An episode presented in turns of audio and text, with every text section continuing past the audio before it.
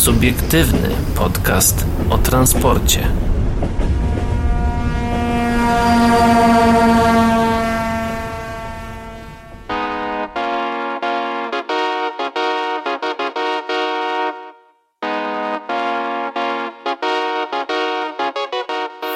I jak to mówią, ostatni łyk kawy za nami i możemy nagrywać. Dobry wieczór, dzień dobry i dobranoc dla wszystkich, którzy nas dzisiaj słuchają, a witają się z wami Paweł Gajos i Adrian Stefańczyk, niezmiennie od tylu lat, jak to w zeszłym tygodniu sobie pozwoliłem powiedzieć. Już za niedługo trzeci, trzecia, trzecie urodziny spota, więc może jakoś No. to obejdziemy, a może nie.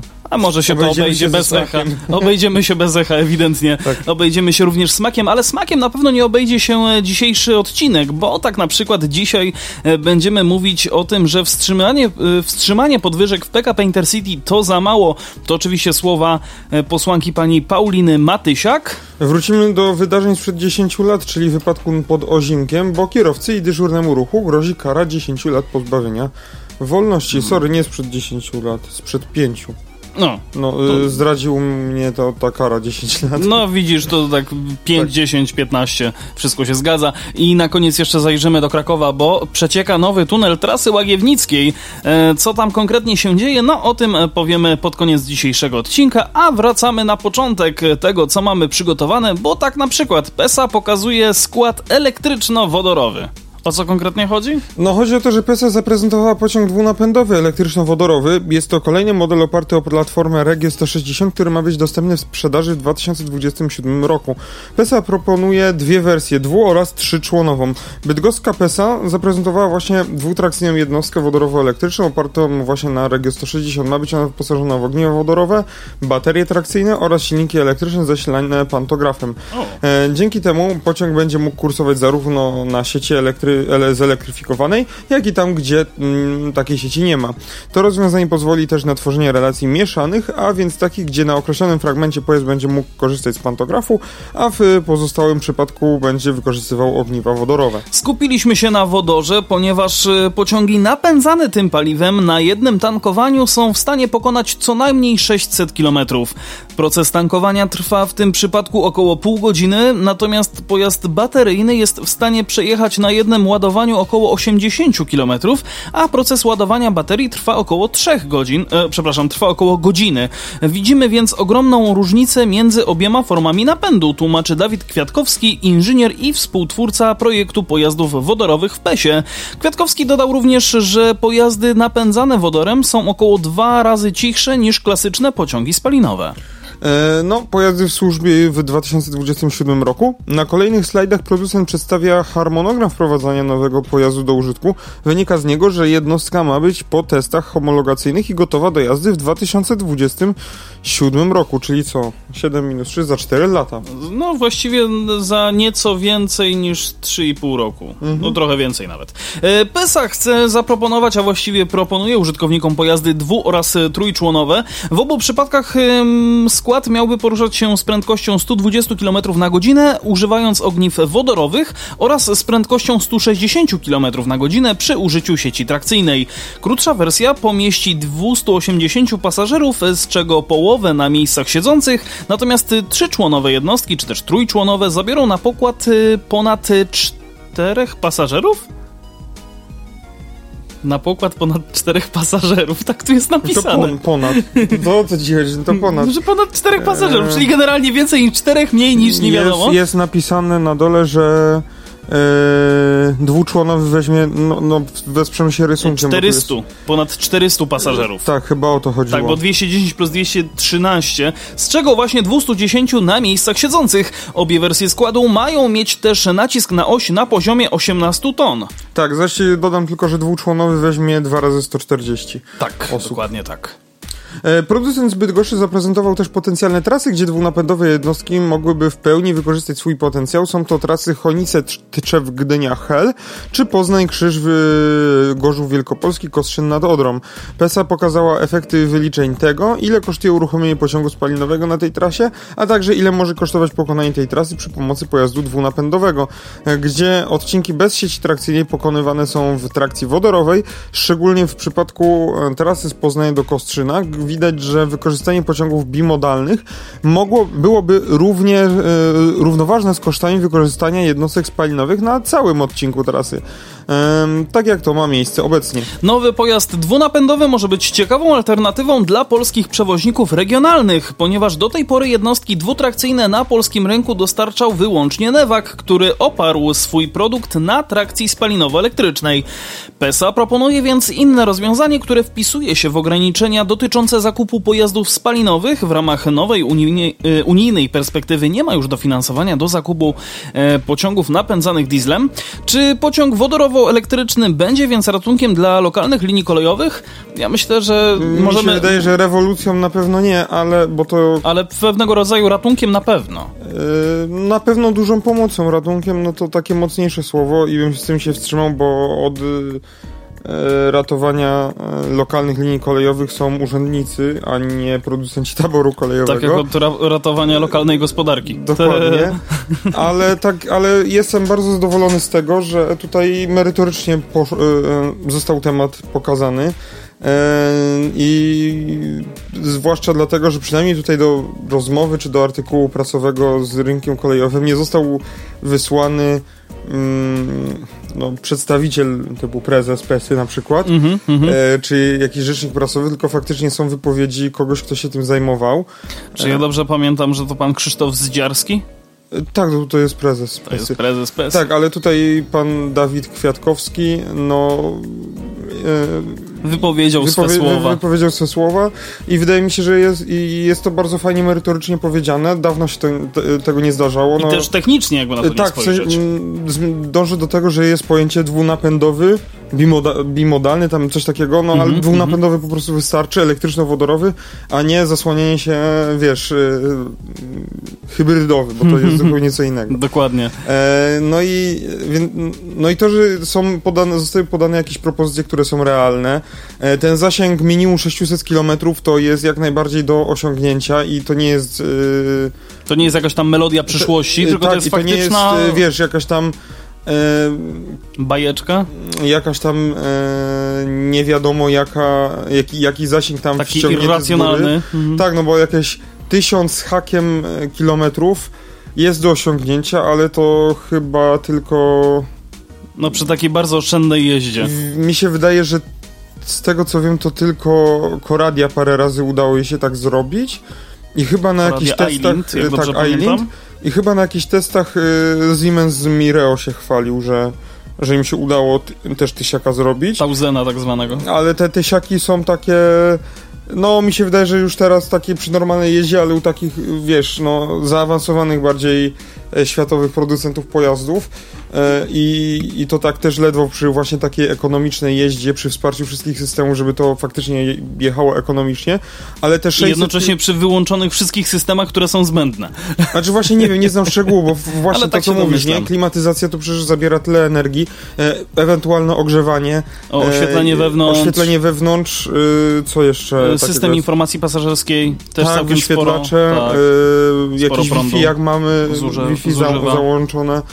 No, y, wiesz, kwestia charakterystyki trasy, po której się poruszamy, czy... Je, je, jest to teren płaski, czy górzysty? Czy jakiś górzysty, czy mamy y, dużo łuków, czy jedziemy na, e, po prostej cały czas, czy mamy dużo przystanków, w jakiej odległości są od siebie, jaka jest e, prędkość maksymalna, taka handlowa Jaki jest też stan takiego torowiska? E, tak, tak, tak, to też wpływa na, na zużycie tego wodoru. E, no i tutaj te 600 km mi się wydaje, że jest takim dobrym. E, realnym wynikiem. Bardzo realnym i to jest jak najbardziej do zrobienia. Nie jest to, nie, nie, nie brzmi to jak taka mrzonka słynna, mhm. E, że tutaj niestworzone rzeczy będzie nam PESA obiecywać, ale tutaj, no tak jak mówię. Gruszki 600, na wierzbie. Te 600 km ma sens to około pół godziny tankowania to też ma sens, no bo... To jest bardzo, bardzo dobry wynik.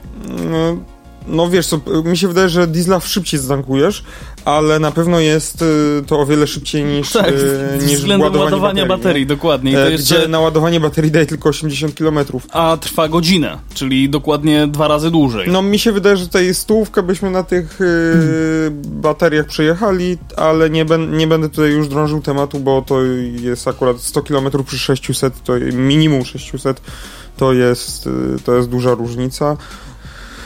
No i no i właśnie PESO, te grafiki mi trochę przypominają grafiki Siemensa reklamowe do Mireo, tak, tak trochę z tymi propozycjami. Tak może, odrobinkę, tak może tyci, tyci. Tak, może niekoniecznie z tymi propozycjami, ale tutaj też takie, że ładowanie 30 minut, zasięg taki, tutaj bateria i, i, i no, no ale nie wiem, dobrze, trzeba, trzeba się wzorować na najlepszych, no i tutaj właśnie ten...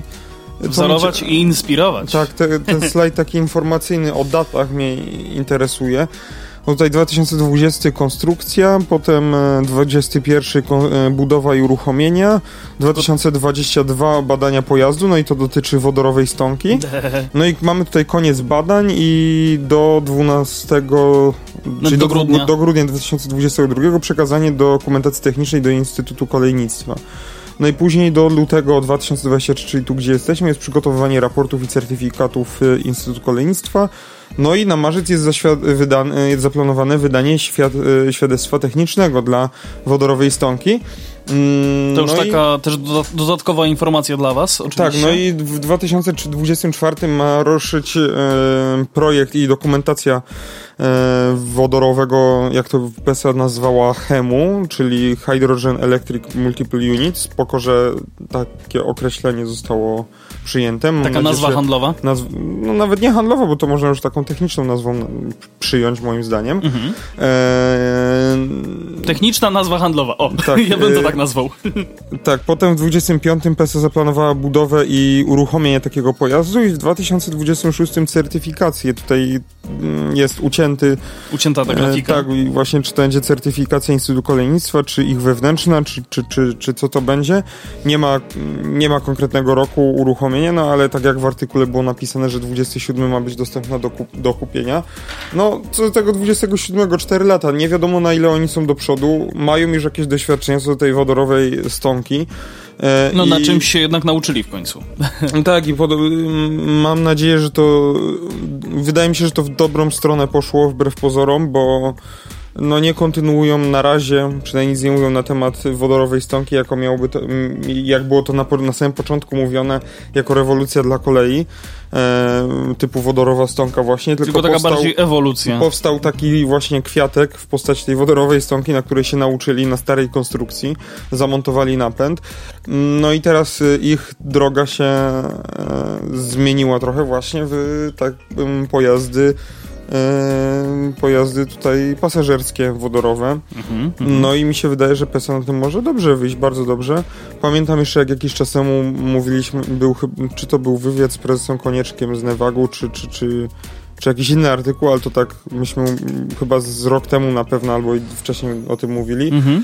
y, gdzie Newak mówił, że albo więcej niż rok wcześniej temu. Ale nie, że nie będzie szedł w wodór. Nie będzie szedł w wodór, tylko on zostaje przy rozwiązaniach bateryjnych. No Wydaje i... mi się, że to chyba nawet nie było dawniej jak rok temu. Nawet, nawet to mogło być troszeczkę wcześniej. Gdzieś tutaj Mi się wydaje, bliżej. że to było wtedy, kiedy PESA zaczyna, e, ogłaszała wodorową stonkę. A może?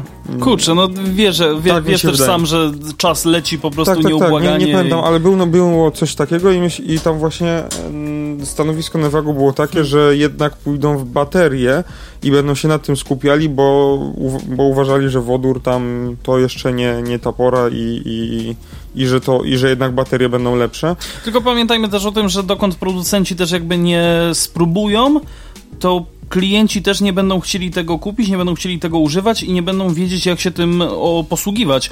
Więc jeżeli, tak jak PESA tutaj sobie zaczyna, czy tak jak wcześniej tam chyba Siemens, jak dobrze, tak, no Siemens generalnie no, i, i, tak, i, ta, i Alstom, Alstom. Alstom był przede wszystkim pionierem, jeśli chodzi o wodór w Europie. Tak, tak, tak, że tak jakby jak oni już zaczęli i weszli w to, no to myślę, że tutaj Newak też się powinien jednak nad tym troszkę zastanowić i no, tylko I, wiesz, wszyscy ci producenci, którzy wcześniej się do tego przygo przygotowali, będą, o, będą mieli jednak jakieś doświadczenie i know-how do przodu, nie? Tak, za, zawsze będą te dwa kroki do przodu.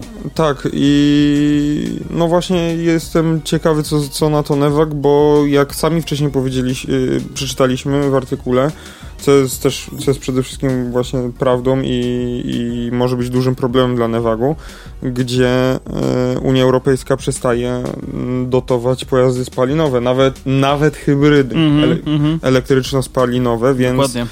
E, tutaj nie wiem, czy mm, marszałkowie województw będą tak chętni do kupowania hybryd no prędzej elektryczne, bo na elektryczną dostaną dofinansowanie, a na spalinowo-elektryczną no już niekoniecznie. A na, Więc... na elektryczno-elektryczną?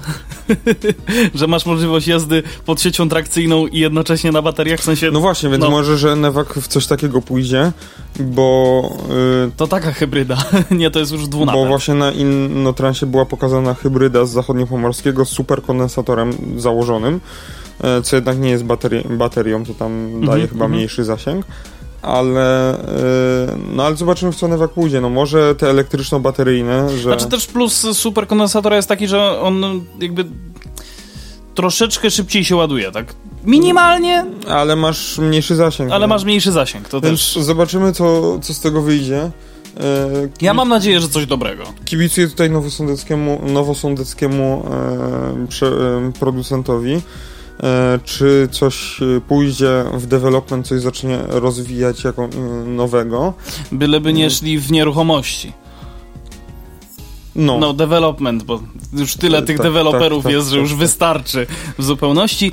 Więc y, gratulujemy Pesie. Jak zwykle stwierdzam, że deadline są po to, żeby je przesuwać, y, więc tego 27 może bym się tak kurczowo nie trzymał, ale, ale, myślę, się, że ale tak... przed 30 to jest realne do zrobienia. Myślę, że i tak Pesie również możemy kibicować, kibicować jak najbardziej oczywiście e, naszemu polskiemu, bydgoskiemu właściwie producentowi. Narodowemu czempionowi. Narodowemu czempionowi, tak jak też mówimy na Intercity. No właśnie, a propos Intercity, to wstrzymanie podwyżek w PKP Intercity to za mało, mówi e, posłanka Paulina Matysiak. E, tak skomentowała zapowiedź przywrócenia poprzednich cen biletów PKP Intercity. Przewodnicząca parlamentarnego zespołu do spraw walki z wykluczeniem komunikacyjnym przypomina o konieczności obniżenia cen także w kolejach regionalnych. E, do, o podwyżkach cen biletów PKP Intercity pasażerowie dowiedzieli się 4 stycznia. Mm, od początku razem hehe, z innymi posłankami lewicy domagałyśmy się wycofania z tego chorego pomysłu. Nie można podnosić cen biletów tuż przed feriami, kiedy rodziny planują wypoczynek, przypomniała 7 lutego posłanka Paulina Matysiak z partii Razem, klub Lewicy, na konferencji prasowej w Sejmie. Jak przypomniała 12 y, 15 stycznia, czyli dzień po wprowadzeniu podwyżek dzięki klubowi Lewicy na posiedzeniu Sejmu odbyła się długa debata na ten temat. Minister Adamczyk wił się w gąszczu pytań i z mównicy sejmowej odpowiadał, że nie ma na nic wpływu. To kłamstwo, bo przecież to minister jest organizatorem przewozów, to minister podpisuje umowy z przewoźnikiem i to minister wymaga określonych cen, aby były dostosowane do budżetów polskich rodzin, przekonywała pani e, Matysiak. Na szczęście, nawet jeśli jest się w opozycji, dzięki wywieraniu presji depresji da się wywalczyć rozwiązania dobre dla ludzi, dodała. Posłanka razem e, podkreślała, że, podkreśliła, że wycofanie się z podwyżek cen biletów PKP Intercity pod presją lewicy i ekspertów to, to dobry krok. Cytat? E, ale niewystarczający. Ceny spadną tylko dla tych, którzy wsiadają do pociągów dalekobieżnych. TLK, Express Intercity i Pendolino. A przecież podwyżki w ostatnich miesiącach dotknęły także pasażerów linii regionalnych, zauważa Matysiak. E, klub Lewicy domaga się rozwiązania, które dostarczyłoby wszystkich e, pasażerów, e, dotyczyłoby wszystkich pasażerów kolei. Złożyliśmy ustawę o zerowej stawce VAT na wszystkie przewozy pasażerskie. To rozwiązanie można wdrożyć tu i teraz, tak aby podróże do szkoły i pracy były na każdą kieszeń. Skoro pan premier wysłuchał naszych apeli i po miesiącu za, zatrzymał podwyżki cen biletów PKP Intercity, to mamy nadzieję, że usłyszy nas i teraz zaapelowała posłanka. Ja tylko pozwolę sobie dodać, że z początkiem roku w Finlandii zaczęła obowiązywać zerowa stawka podatku VAT za bilety publicznego transportu zbiorowego. Rozwiązanie będzie obowiązywało przynajmniej do końca kwietnia z możliwością jego późniejszego przedłużenia, to takim e, tytułem skrótu. Natomiast wracając do artykułu, e, poseł Wiesław Szczepański z Nowej Lewicy, członek Sejmowej Komisji Infrastruktury, zaznaczył, że zamieszanie z podwyżkami cen biletów e, pokazało, jak duży chaos na kolei panuje zarządów Prawa i Sprawiedliwości. Sprawiedliwości. Nawet pan premier nie wie, kto właściwie odpowiada za koleje. O podwyżkach dowiadywał się z naszych konferencji. Dlatego uważamy, że spółka Intercity powinna wrócić w zarządzanie ministra infrastruktury, aby nie tylko zamawia zamawiał pociągi, ale był też właścicielem spółki, twierdził Szczepański. Według Szczepańskiego polskie linie kolejowe, które są dziś spółką Skarbu Państwa, powinny stać się jednostką budżetową. E, podobnie jak ma to miejsce mm, w przypadku Generalnej Dyrekcji Dróg Krajowych i Autostrad. Mm, tak jest w innych krajach i to dobre rozwiązanie. Gdybyśmy mieli Generalną Dyrekcję Kolei Żelaznych, to nie byłoby tak, że spółka obciąża przewoźników opłatami za dostęp do torów, a dzięki temu stana, e, staniałyby bilety. Dostęp byłby płatny tylko w przypadku przewozów komercyjnych, towarowych, e, tłumaczył Szczepański. Warto dodać również, że poseł Szczepański wskazał na przykład kolei wielkopolskich, które w obecnym modelu co miesiąc płacą polskim liniom kolejowym aż 4 miliony złotych za dostęp do torów. To prawie 50 milionów rocznie. Ta suma pokazuje, jak bardzo można by obniżyć ceny biletów i do tego należy dążyć, bo kolej powinna być skierowana na pasażera, a nie na zysk, podsumował. No właśnie, to mi się wydaje, że też mówiłem o tym wcześniej i też jestem tego zdania, że polskie linie kolejowe powinny być y, generalną dyrekcją. Mhm. Kolej żelaznych, może być, mi się podoba taka nazwa. No, że kolej mu, żelazna kolej, że nie tam plastikowe no. E, nie powinno być nie kolei żelaznych, tylko dróg żelaznych. Generacja dyrek, Generalna Dyrekcja Dróg, dróg Żelaznych. żelaznych i autostrad. GDDŻ, no. GDDŻ, no. Dróg żelaznych i bocznic. I bocznic autostradowych, co? Tak. Autostrad więc... bocznicowych. Generalna Dyrekcja Dróg Żelaznych i Centralnych Magistrali Kolejowych. My jesteśmy Żeby cieka- też skrót był tak długi jak w GDDKiA. GDDKiA, faktycznie. E, my jesteśmy ciekawi waszego zdania w tej kwestii. Piszcie do nas redakcja małpa o transporcie.pl i na Facebooku facebook.com slash o transporcie. Tu czekamy na wasze wiadomości. Tak, ja chciałbym dodać e, tyle, że nie chcę obiecywać, bo jak naobiecuję, to później może to, z tego... To wyjdziesz na polityka.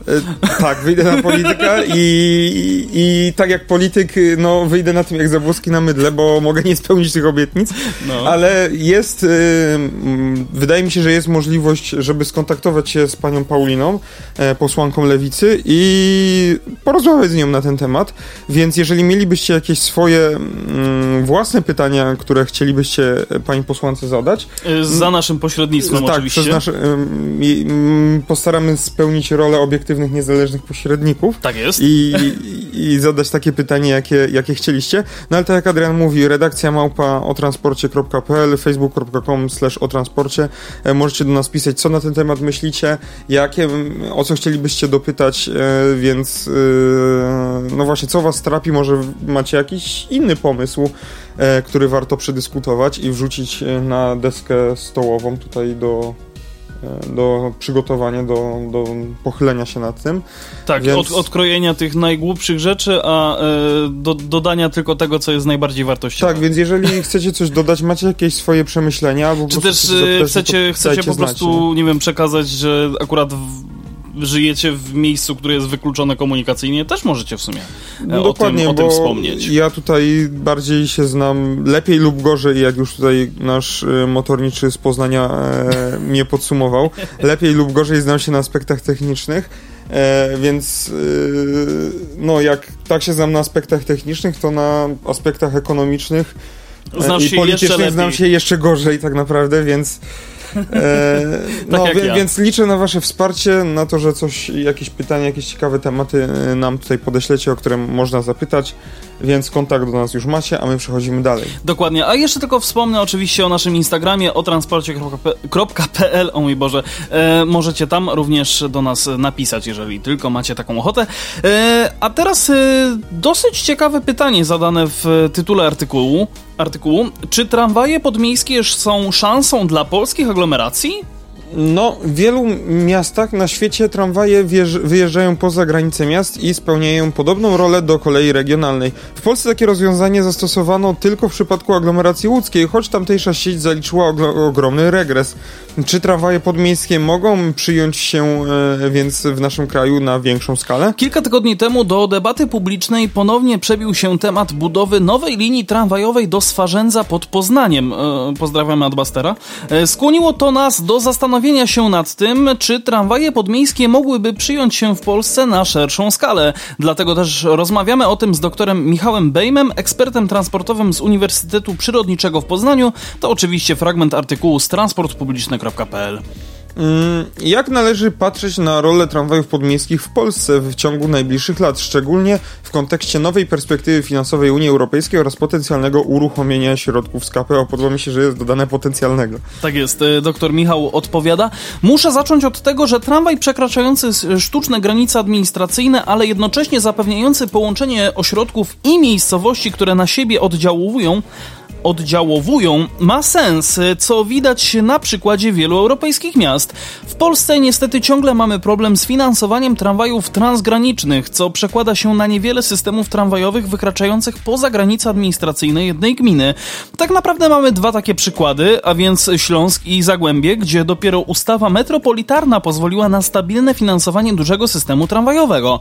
Zanim wspomniana ustawa weszła w życie, y, widzieliśmy ogromne zaniedbania odnośnie infrastruktury infrastruktury torowej w wielu miastach GZM, czyli właśnie Górnośląsko-Zagłębiowskiej metropolii, a także skandaliczną decyzję o likwidacji torowisk na terenie Gliwic, co skutkowało zniknięciem tego miasta z tramwajowej mapy Polski. Drugim przykładem jest Łódź i sieć tramwajów podmiejskich, gdzie niestety cały czas mamy do czynienia z degradacją torowisk i regularnym pogarszaniem się oferty komunikacyjnej. W tym przypadku problemem są właśnie finanse i kwestia tego, kto powinien płacić za remonty odcinków poza Łodzią.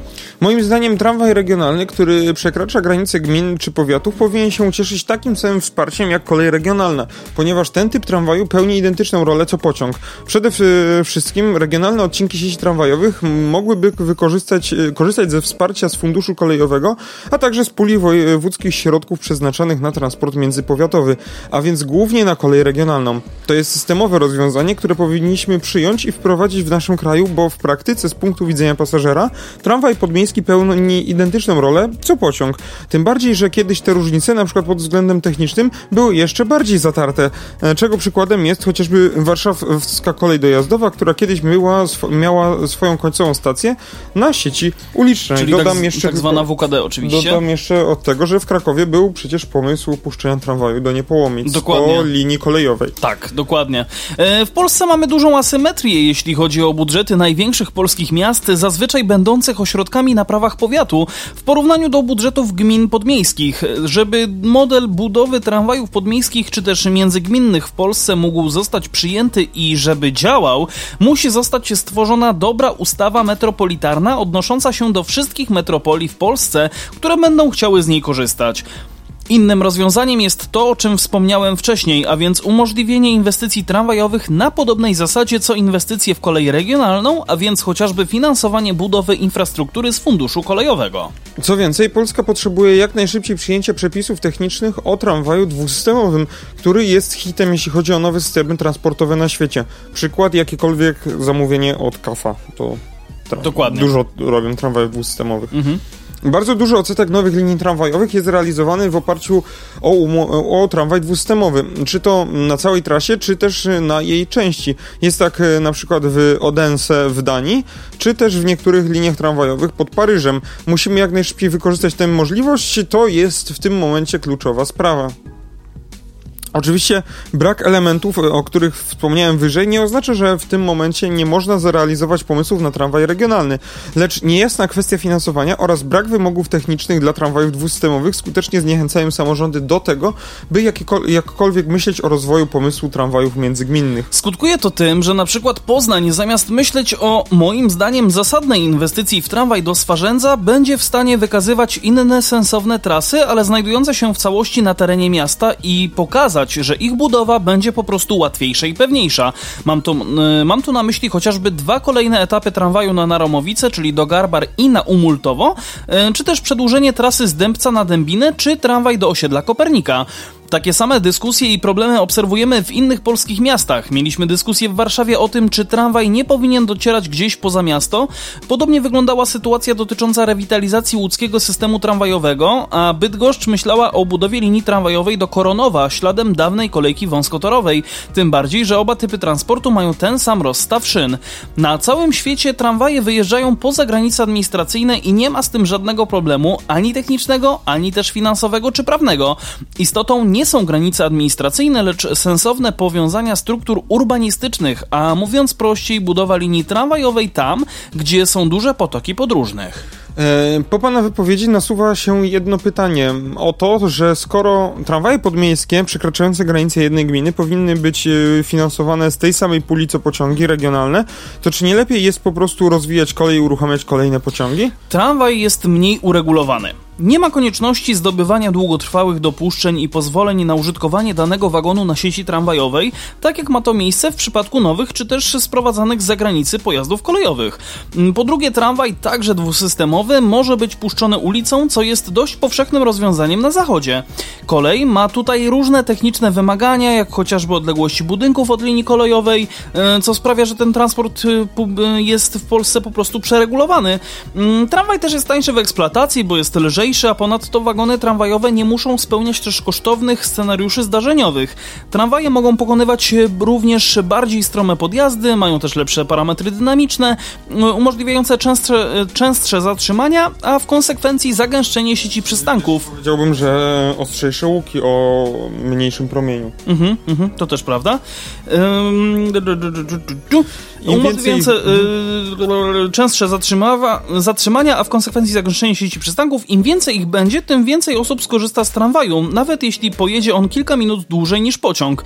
Generalnie na terenach zurbanizowanych budowa linii tramwajowej jest po prostu lepszą alternatywą niż budowa linii kolejowej. E, czy bez zmian prawnych, o których Pan wspomniał, a więc chociażby bez uregulowania kwestii finansowych, widzi Pan możliwość rozwoju tramwajów podmiejskich w Polsce?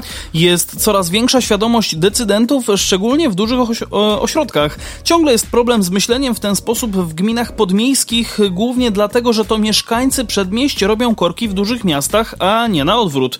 Mniejsze samorządy nie odczuwają tak bardzo tego problemu korków, e, smogu czy aut krążących w celu zaparkowania. Gminy podmiejskie stoją też przed trudnym pytaniem, czy lepiej jest pokryć siatką połączeń autobusowych obszar całej gminy i zrobić to porządnie, a więc z dobrą ofertą i taktem, czy też skupić się na małym fragmencie gminy, gdzie mogłaby powstać nowa linia tramwajowa łącząca daną miejscowość z metropolią.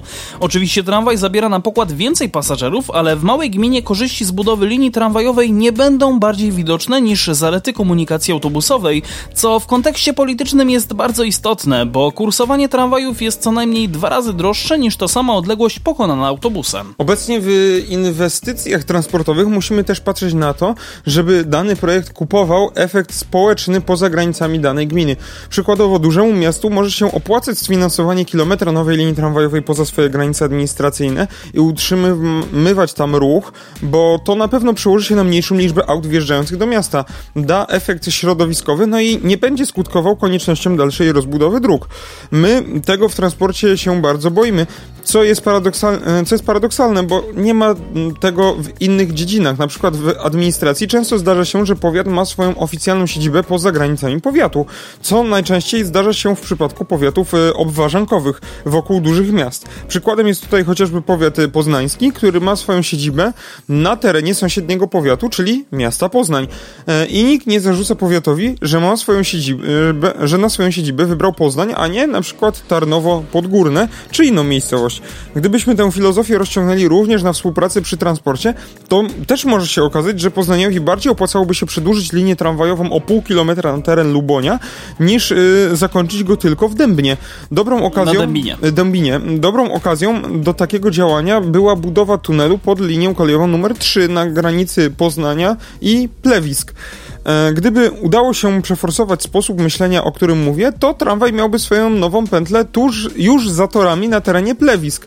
Oczywiście docelowo tramwaj dojedzie do torów, ale ich nie przekroczy, tak więc nie wykorzystaliśmy maksymalnego potencjału tej relacji, czyli codziennych dojazdów mieszkańców Plewisk, jednej z największych wsi w Polsce, mającej ponad 14 tysięcy mieszkańców do Poznania. E, warto dodać jeszcze a propos takich aglomeracyjnych tramwajów, że Kraków e, przymierza się przecież do budowy linii tramwajowej do Wiliczki. Więc to też jest jakiś tam etap rozwoju takiej aglomeracyjnej, e, tramwajowej przyszłości naszego miasta przynajmniej, więc zobaczymy. Myślę, że też taka trasa do Wieliczki będzie dobrym testem na to, czy faktycznie, znaczy testem, no ciężko to nazwać testem, ale z drugiej strony, e, czy faktycznie dobrze będzie zbudować taki tramwaj właśnie do Wieliczki, e, później może jakaś Skawina, jakieś e, inne miejscowości, które są tutaj położone w tym naszym krakowskim obwarzanku, jakichś Zabierzów na przykład, to może, może faktycznie gdzieś pójść do przodu i, i być takim testem na żywym organizmie, czy to faktycznie spełni swoją rolę, chociaż wierzę i jestem święcie przekonany, że absolutnie to y, będzie miało bardzo pozytywny wpływ na politykę transportową miasta e, i mieszkańców. Tak, wychodzimy bardzo na przyszłość, bo tutaj mówisz o budowie linii tramwajowej do Wieliczki, co samo jest, wiesz, e, historią przyszłości, mhm. ale tak jak mówisz, skawina i tak, i tak dalej, no ktoś może powiedzieć, że no po co mi da, po co ta skawina, w sumie po co Wieliczka, po co ten tramwaj do, do Zabierzowa, jak przecież tam pociągi jeżdżą i można by zwiększyć częstotliwość pociągów. Otóż nie, bo mm, tramwaj za, o wiele częściej się zatrzymuje, więc zabierze ludzi po drodze. To jest pierwsza sprawa. Dokładnie. Druga sprawa, e, jeżeli tam będzie docierał mm, już tramwaj, to można przerzedzić za, tak jakby zatrzymanie, mywanie się pociągu, dlatego ten pociąg będzie mógł jeździć dalej, oferując ludziom z dalszych y, okolic, z dalszych rejonów niż właśnie Skawina, szybszą komunikację, bo już ten pociąg nie będzie się zatrzymywał na wszystkich stacjach wokół Skawiny, y, przynajmniej nie każdy kurs, mhm. no bo w tej Skawinie będzie już tramwaj, nie? który trochę przejmie, przejmie ten ruch. Dokładnie. Więc no na pewno... To jest takie myślenie etapami po prostu, że tramwaj, na, że tramwajem na przykład dojadą sobie akurat mieszkańcy mieszkańcy konkretnie właśnie tej Skawiny, a na przykład pociągiem miejscowości pod nią. Na przykład Żozowa, jak dobrze pamiętam. No tam dalej jakiś Przecieszów i tak dalej, nie? Mm -hmm, mm -hmm. Nawet pod Oświęcim już, nie? Więc, no i tak samo Wieliczka, no y, tutaj pociąg jest do Wieliczki fajnie, no aku akurat Wieliczka już jest torem ślepym, tam nic więcej nie ma. No, ale na pewno tutaj w tym, w tym miejscu jest dużo osób, które, dużo osób, które dojeżdżają własnym samochodem, ponieważ komunikacji w tym rejonie żadnej nie ma. E, Albo jest bardzo Krzyżkowice, biedna. dobrze mówię? Krzyżkowice to jest za... E, aż sprawdzam na mapach. To jest e, rejon e, pomiędzy Wieliczką a Krakowem, tak w linii prostej nawet jakby popatrząc, za tym węzłem, gdzie miałby ten tramwaj iść, nie? A to za Rżonką.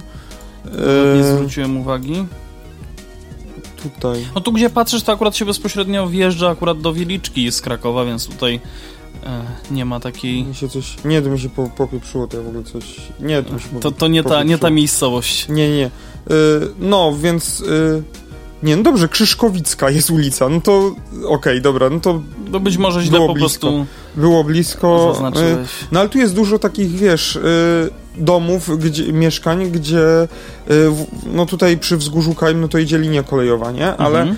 E, właśnie tutaj ten rejon Wieliczki jest nieskomunikowany w ogóle moim zdaniem, ponieważ autobus jeździ główną tutaj drogą e, Wieliczka granica miasta przystanek. No są autobusy, ale są autobusy aglomeracyjne, które podejrzewam, że nie jeżdżą zbyt często. Mhm. E... Wielickiej spółki transportowej akurat w Google Transit nie ma. Ale ona, ale ona tu nie jeździ spokojnie. A, okej, okay. mimo e, wszystko. No i są jeszcze jakieś takie boczne e, tutaj ulicy, ale ten, ten autobus mi się wydaje, że nie jest wydajny, w sensie nie jest wydajny, no. Jeździ na tyle rzadko, a tu jest e, zapotrzebowanie o wiele większe i na tyle, ile jest domów. Popatrz, ile tu jest takich, wiesz, uliczek porobionych i domów, tu jest tyle dewelop, deweloperki, Mhm. E, no to są stare zdjęcia na Google, nie? Ale też y, stare domostwa, nie tylko takie no, nowoczesne, ale, ale, też i ja tam parę starsze, razy tak. byłem ostatnio i po prostu tu jest multum domków i osiedli takich. Zagęszczenie po prostu mieszkańców. Tak, Bardzo tak, duże. tak. Przez to, że widzisz, tu są te uliczki boczne i tak. to wszędzie są takie, wiesz, szeregowce czy de od deweloperów nowe. Mhm. E, więc e, no tutaj aż się prosi, żeby w tym rejonie, w tym rejonie ulicy Ochota i Krzyżkowickiej e, na, nie wiem, czy to jeszcze Kraków, czy już Wieliczka. To już raczej Wieliczka. To, no to tutaj by się na pewno ten tramwaj przydał, który, który w planach ma iść za szpital w Prokocimiu. No i właśnie przez tą, e, nad ulicą Kosocicką i przez tą, e, przez ten węzeł tutaj z A4. Mhm. Kraków Wieliczka. Tak, więc tutaj na pewno tramwaj jest bardzo, bardzo potrzebny. E, w, w, ta Wielicka Spółka Transportowa na pewno tu nie jeździ. Tu mhm. Wielicka Spółka jeździ tutaj Sygneczów, bardziej tak jakby Do, Tak. Dookoła tam... A bardziej tu na, na północny wschód od Wieliczki i południowy zachód. Mhm, mhm, Tak, okej. tak bardziej. Wróćmy do artykułu, e, do wypowiedzi e, pana... Doktora Bejma. Doktora Bejma, dokładnie, doktora e, Michała Bejma. Mm, tu, tu, tu. Takie kupowanie efektu poza swoim terenem naprawdę często ma miejsce i nie tylko w administracji, ale też w szkolnictwie, sporcie czy medycynie. Niestety bardzo rzadko dzieje się to w transporcie. Po raz kolejny powtórzę, że naprawdę musimy przełamać myślenie o transporcie w kategoriach granic administracyjnych. Dla pasażerów, a więc klientów transportu publicznego nie liczy się to, by pracować koniecznie w swoim powiecie, jeśli mogą przejechać 15 km i zarabiać o wiele więcej w inny, e, o wiele lepiej w innej gminie czy województwie. Dopóki tego nie zrozumiemy, dopóty transport publiczny nie będzie w pełni efektywny. Obecnie musimy tworzyć transport tam, gdzie są rzeczywiste potoki pasażerskie, a nie tam, gdzie nam się wydaje, że takie potoki są lub mogłyby być. Czy widzi pan miejsca w Polsce, gdzie tramwaje wyjeżdżające poza granice miasta byłyby uzasadnione i potrzebne? Jest bardzo wiele takich przykładów w naszym kraju. Bazując na naszym poznańskim podwórku, mogę wymienić chociażby przedłużenie trasy PST, czy też tak zwanej pestki, e, w dwóch kierunkach, a więc wjazd na teren kampusu uniwersyte uniwersyteckiego, no ale też w kierunku Suchego Lasu i próba wpięcia tej miejscowości do siatki tram e, tramwajowej. Mm, W przypadku Łodzi na pierwszy plan wysuwa się Aleksandrów Łódzki, który kiedyś dysponował linią tramwajową, lecz została ona zlikwidowana, a miejscowość ta nie ma też dostępu do żadnej linii kolejowej. Takich koncepcji jest wiele, a te, które wymieniłem, to tylko kilka z nich. Praktycznie w każdym większym ośrodku miejskim coraz częściej pojawiają się głosy o tym, że warto byłoby wydłużyć tramwaj do konkretnej miejscowości i leżącej obok dużego miasta. Wracając jeszcze do poznańskiego przykładu, poza Suchym Lasem i Swarzędzem, musiałbym też wymienić chocia jeszcze chociażby Luboń, e, który również ma zawa- e, zabudowę i jest praktycznie przyklejony do, do Poznania, tutaj w cudzysłowie. Mm, Przykład Lubonia jest też bardzo istotny w innym kontekście. W budowie... W cudzysłowie było słowo przyklejone, a nie Poznań. Tak, tak, tak, oczywiście. W budowie tramwajów podmiejskich nie chodzi bowiem o dublowanie linii kolejowej, lecz o to, by zwiększyć e, zasięg oddziaływania transportu szynowego na większym obszarze danej miejscowości.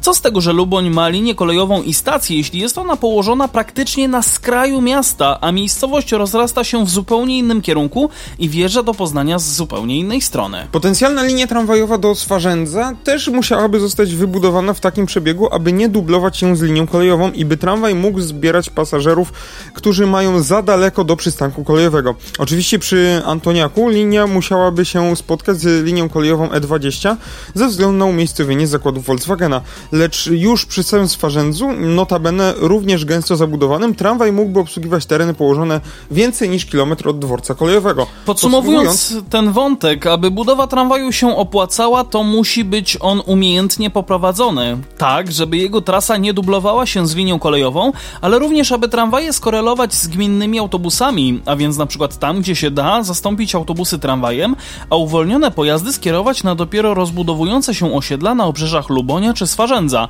Celowo wspominam też o autobusach, bo obie miejscowości poza dostępem do kolei uruchamiają też własne autobusy, które kursują w kierunku Poznania. No właśnie, tutaj wyszło to etapowanie, o którym powiedziałeś, czyli mm, ja bym to ujął tak, że to, tą hierarchią em, komunikacji publicznej, czyli własne nogi, ewentualnie rower, e, autobus, e, tramwaj, e, kole, metro jak jest, Mhm. e, kolej i tam kolej już taka e, międzymiastowa, no i samolot. Dalekobieżna. Mhm. dalekobieżna i samolot. E, właśnie e, rozbudowanie kolei powoduje to, że zaraz później można rozbudować tramwaj. Rozbudowanie tramwaju w dane miejsce pozwala e, właśnie uwolnić te autobusy i dać je w inne miejsce. nie? Dokładnie. Więc, e, no, trzeba, każdy, każdy rodzaj ko- środka transportu publicznego ma jakieś swoje określone zadania, w których się le, sprawdza lepiej. I też powinien się nawzajem wspierać.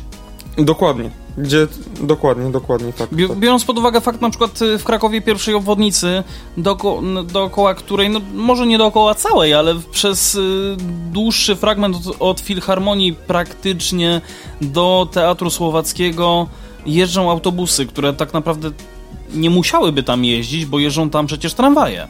Te autobusy można by było skierować na troszeczkę inne trasy, żeby one się jakby wzajemnie wspierały, ale żeby ze sobą też nie, Znaczy mi się wydaje, nie że tak one mocno tam... konkurowały. Mi się wydaje, że one tam są, bo to ten... odcinek nie jest długi, tam trochę, tam w sumie nawet za bardzo nie ma innej możliwości, żeby ten autobus poprowadzić. No, alejami. Ale, e, tak, alejami, ale chodzi o to, że jednak, wiesz, jak jesteś na tym, e, na tym rynku i chciałbyś pojechać poza rynek, to to jest dobre miejsce, żeby ten autobus zahaczył i zabrał pasażerów stamtąd i żeby, żebyś mógł sobie pojechać gdzieś indziej, gdzieś, gdzie tramwaj nie dojeżdża. E, No ale zawsze możesz się też przesiąść.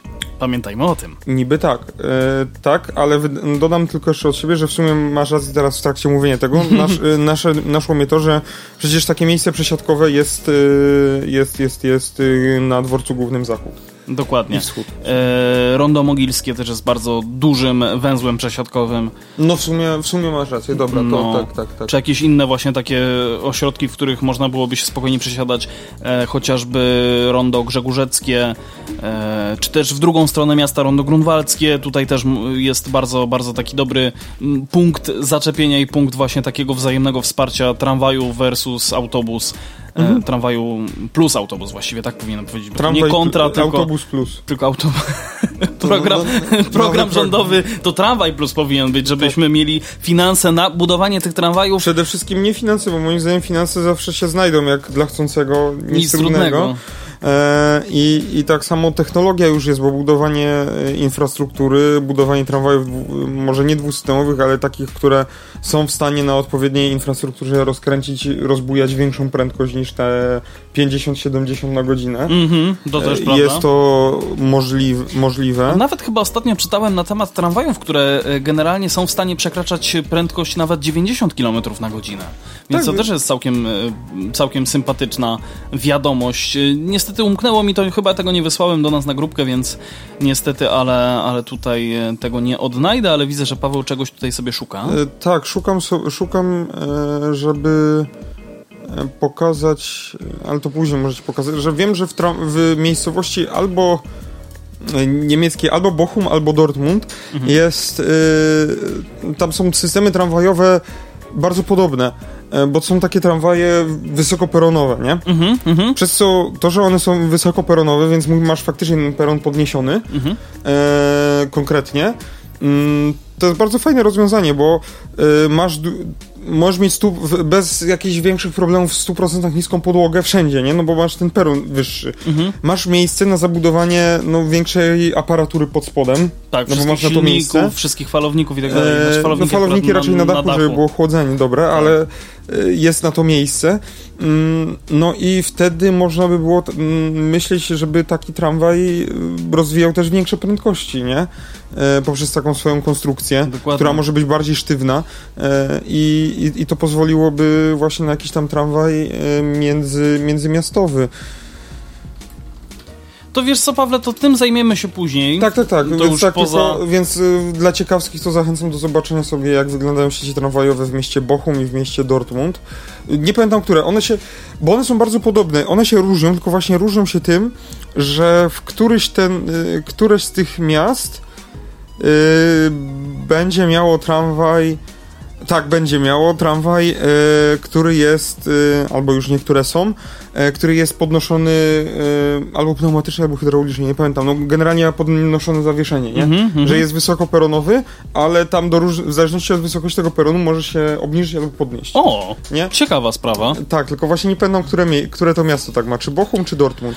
To ty to sprawdzisz później, a my teraz przechodzimy dalej, bo zostało nam już niewiele czasu. Eee, wypadek pod Ozimkiem kierowcy i dyżurnemu ruchu grozi kara nawet 10 lat pozbawienia wolności. O co chodzi? Chodzi o to, że do sądu rejonowego w Opolu trafił akt oskarżenia przeciwko kierowcy samochodu ciężarowego, który pod Ozimkiem wjechał w pociąg Pendolino. No to już długa Co prawda, sprawa. co prawda to było trochę na odwrót, bo to Pendolino wjechało w niego, ale w gruncie rzeczy on się zawiesił na tym przejeździe, ale do tego zaraz dojdziemy. Do zdarzenia doszło w roku 2017. Na przejazd kolejowy pod Ozimkiem wjechał samochód ciężarowy, który na lawecie wiózł inny pojazd.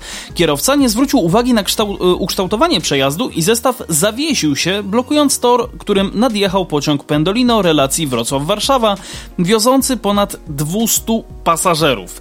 Warto dodać, że w wyniku uderzenia pociągu w naczepę z pojazdem, e, w naczepę z pojazdem 41 osób jadących pociągiem zostało rannych. Straty przewoźnika wynikające z uszkodzenia zestawu przekroczyły milion złotych. Warto dodać, że tutaj na szczęście nikt nie zginął. Nikt nie zginął, a na 200 pasażerów tylko 41 odniosło obrażenia, więc to też pokazuje, jak bezpieczna jest kolej. Tak, tak, tak. No, E, jak powiedział e, Polskiej Agencji Prasowej Stanisław Bar, rzecznik prokuratury okręgowej w Opolu, zarzuty spowodowania katastrofy w ruchu lądowym e, przedstawiono kierowcy ciężarówki Tomaszowi H przez CH i Janowi B, dyżurnemu ruchu. Właśnie to mnie ciekawi, jaka była wina dyżurnego ruchu. Zaraz się dowiesz. E, no, dyżurny ruchu w nastawni kolejowej na stacji kolejowej w, Osim, w Ozimku. Według ustaleń śledczych, cię, kierujący ciężarówką Tomasz Hakt zorientował się, że prowadzony przez niego zestaw utknął na torowisku, zadzwonił na telefon alarmowy 112, informując o zdarzeniu. Dyżurny służb ratunkowych przekazał informację Janowi B, który mając e, wiedzę o sytuacji, nie uruchomił sygnału alarmowego radiostop, który automatycznie mógł unieruchomić pendolino wyjeżdżające w tym momencie ze stacji Opole. No widzisz, czyli już masz odpowiedź na twoje pytanie. Zdaniem śledczych 11 minut, jakie upłynęły między otrzymaniem przez Jana B. informacji o zdarzeniu, a samym wypadkiem, były wystarczającym czasem do skutecznego zapobieżenia katastrofie. Niestety maszynista zobaczył przeszkodę troszeczkę za późno i rozpoczął hamowanie. No właśnie wtedy było już za późno. Pendolino uderzyło w naczepę z prędkością 106 km na godzinę. I jak powiedział prokurator Bar, jeden z oskarżonych nie... Żaden. Że żaden z oskarżonych nie przyznał się do winy. Warto dodać, że na ławie oskarżonych zasiądzie również y, dyżurny ze stacji kolejowej. Obydwu oskarżonym grozi kara do 10 lat pozbawienia wolności za spowodowanie katastrofy w ruchu lądowym. Niezależnym postępowaniem objęto potencjalną odpowiedzialność projektanta przejazdu, na którym zawisł zestaw ciężarowy. To też dosyć ciekawa sytuacja. No właśnie, z tym nie zależy. Ja mam tutaj parę, e, parę, parę e, pytań, pytań uwag. uwag. No, jeżeli kierowca postąpił prawidłowo i się zawiesił. E, I zadzwonił na numer 112. Tak, i to zrobił, co do niego należało, więc w sumie on ma moim zdaniem bardzo dużą szansę, żeby się z tego wybronić. Wybronić. Mhm. E, w zależności od prokuratura, jakie, jakiego tutaj... E, no, bardziej już orzecznictwa sądu. Nie, obrońca jakiego sobie dobierze. No, tutaj dyżurny ruchu faktycznie no, dał ciała, bo wciśnięcie radiostopu... Nie, nie powiemy, której jego części. Albo, albo po prostu skomunikowanie się z maszynistą ma takie możliwości i poinformowanie go o tym, no no to było bardzo nieodpowiedzialne. Tak, tak, tak, dokładnie. Znaczy, mm, moim zdaniem chodzi też o no, jak, znaczy, bo to są błędy moim zdaniem polskich linii kolejowych poprzez formalności, jakie idą za użyciem sygnału radiostop, mhm. e, które dokumenty mógłby, musiałby dyżurny wypełniać i się potem tłumaczyć z tego, mhm. e, mogły go znacząco odstraszać od y, użycia, y, od użycia tego, tego przycisku alarmowego, ale z drugiej strony, no, sytuacja wy, wy, tego wymagała, żeby lepiej jest, wiesz, tłumaczyć się przed przełożonym, czemu, e, czemu e, użyto radiostopu, czy użyto radiostopu, czy mieć ileś tam, tutaj na szczęście nikt nie, nikt, nikt nie stracił życia, ale mieć na sumieniu, no, czyjeś życie, nie? Mm. Więc... E, które jak doskonale wiemy jest oczywiście bez... Tak. A co do niezależnego postępowania y, i tej odpowiedzialności projektanta przejazdu, no to generalnie przejazdy kolejowe są obwarowane swoimi normami, tak samo jak wszystko inne, co dotyczy ko polskiej kolei. Więc ja chciałbym się zapytać, czy, jakie zostały złożone wymagania e, od polskich linii kolejowych czy zarządcy drogi e, m, przy zamawianiu tego przejazdu i wykonywaniu tego, tej nawierzchni mhm. e, i czy te wymagania zostały wyegzekwowane od e, producenta. E, no czyli, bo, bo wiesz... To ja, mam, to ja mam jeszcze jedno pytanie. No. Najbardziej podstawowe. No. Czy maszynista był trzeźwy? Zapomnieliśmy o tym. Nie no, no wi wiadomo, no nie jest Moim napisane. zdaniem trzeba wstrzymać całe śledztwo i dojść do tej informacji, bo to... Bo, od tego zależy wszystko. Tak. tak. tak, Jeżeli maszynista nie był trzeźwy, to jego na dożywocie, a wszystkich innych uniewinnić. Przejdźmy dalej. E, bo mm, maszynista pewnie nie przeciekał alkoholem, ale na pewno wodą przecieka nowy tunel na trasie Łagiewnickiej w Krakowie, a na naprawę trzeba jak zwykle poczekać. Tak, po niespełna dwóch miesiącach od oddania trasy Łagiewnickiej ściany z jednego, jednego z tuneli zaczęły przeciekać. Ostatnie spadki temperatury doprowadziły do tego, że na ścianach oraz na jezdni zaczął pojawiać się szron. Wykonawca na bieżąco zabezpiecza to miejsce solą i piaskiem, aby poprawić szorstkość nawierzchni. Tunel jest bezpieczny dla użytkowników, mówi Michał, Michał Pyclik, rzecznik prasowy spółki Trasa Łagiewnicka. Zacznijmy od tego, że jest spółka, istnieje spółka Trasa Łagiewnicka.